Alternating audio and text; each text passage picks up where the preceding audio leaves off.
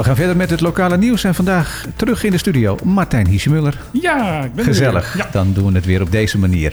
Allereerst de boosterprik, die gaat volgens mij zaterdag van start. dat klopt. Eh, vanaf gisteren kunnen mensen zich opgeven voor de boosterprik. Eh, dat gaat in een bepaalde volgorde. Dat heeft te maken met de leeftijd. Eh, vanaf 27 november, dus af aanstaande zaterdag, kunnen mensen van 80 jaar en ouder hun prik krijgen. Ze moeten daar dus zichzelf nog wel even voor opgeven bij 0800 0900. Ja, Dan komt het eh, 4 december eh, de mensen tussen de 70 en 80 aan de beurt.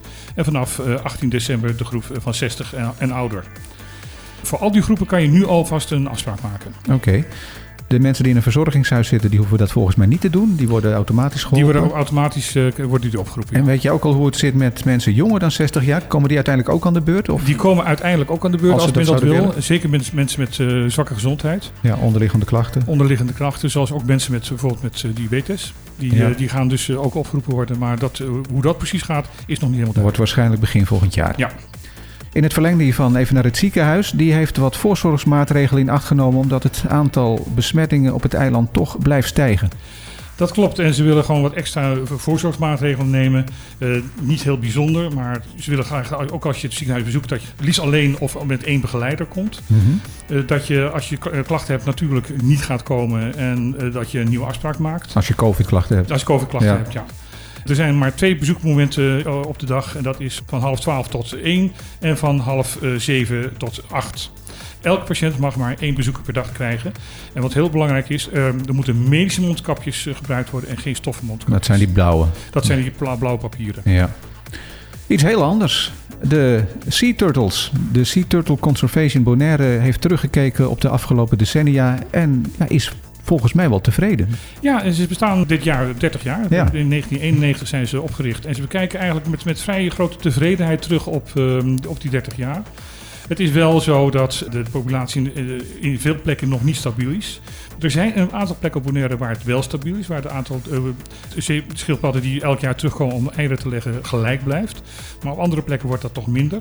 Maar wat zij heel belangrijk vinden is van eh, 30 jaar geleden was de, de schildpad een, een voedselbron. Ja, werd gewoon gegeten. werd gewoon gegeten. En eh, op dit moment is het een eh, gewaardeerd en iconisch beest. Wat, wat gewoon eh, ja, een soort icoon van, van het eiland geworden is. Ja. Nou zou je toch verwachten dat als er 30 jaar lang geen schildpadden meer gevangen zijn om te eten... dat die populatie aardig gegroeid moet zijn. Ja, eh, dan reken je buiten het feit van dat zee- zeeschildpadden eh, enorme trekdieren zijn. En overal op de wereld komen. En dus ook overal Ja, de gevaren eh, te- tegenkomen die, die ze op dit moment ja, bedreigen. Ja, dat is waar. Dan nieuws over de Bonaire brandstofterminal. Ehm, die lijkt toch aardig te investeren in fossiele brandstoffen voor de komende periode. De Partij voor de Dieren in Nederland is daar fel op tegen.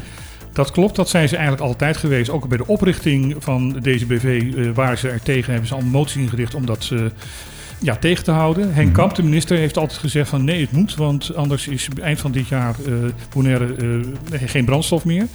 Ik val mij op dat sinds de oprichting van de BV eigenlijk helemaal niks meer hebben gehoord. Dus dat vind ik eigenlijk wel heel opvallend. Ja, Bij de schriftelijke voorbereiding van de behandeling van het budget van eh, economische zaken. Hebben ze nu toch weer extra eh, aandacht voor gevraagd? Want ze zeggen van ja, alsjeblieft jongens, hou nou op met fossiele brandstoffen. Je zit er gewoon 30 tot 60 jaar aan vast als je nu gaat investeren.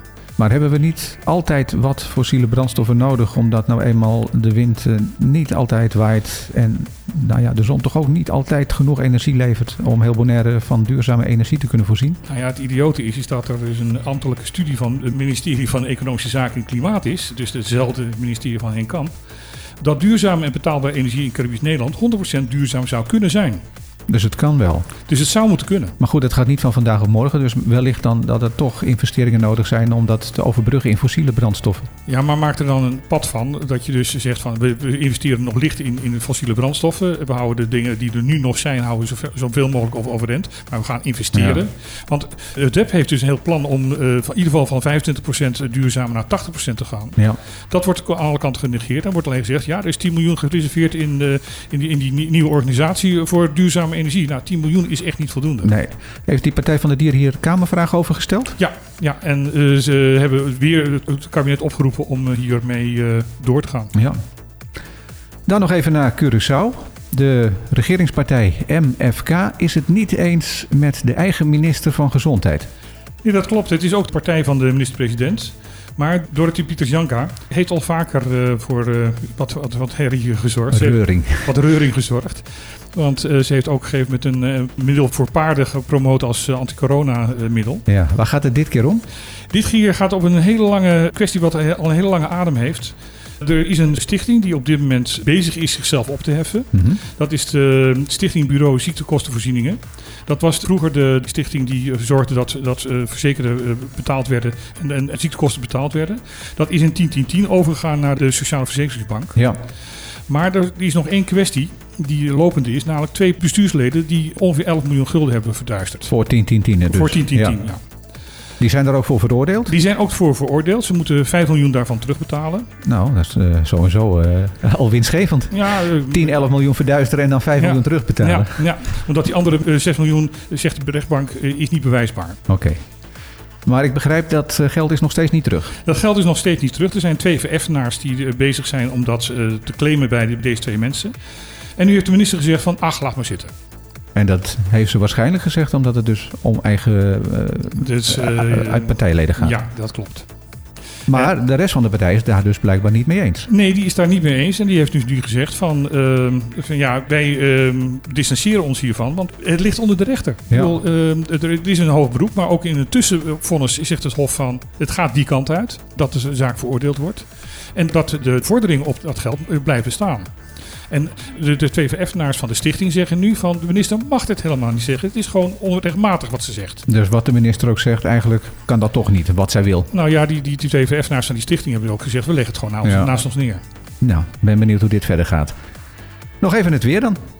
Ja, dat is uh, vandaag zonnig, uh, weinig bewolking en de kans op een bui is vrijwel nihil.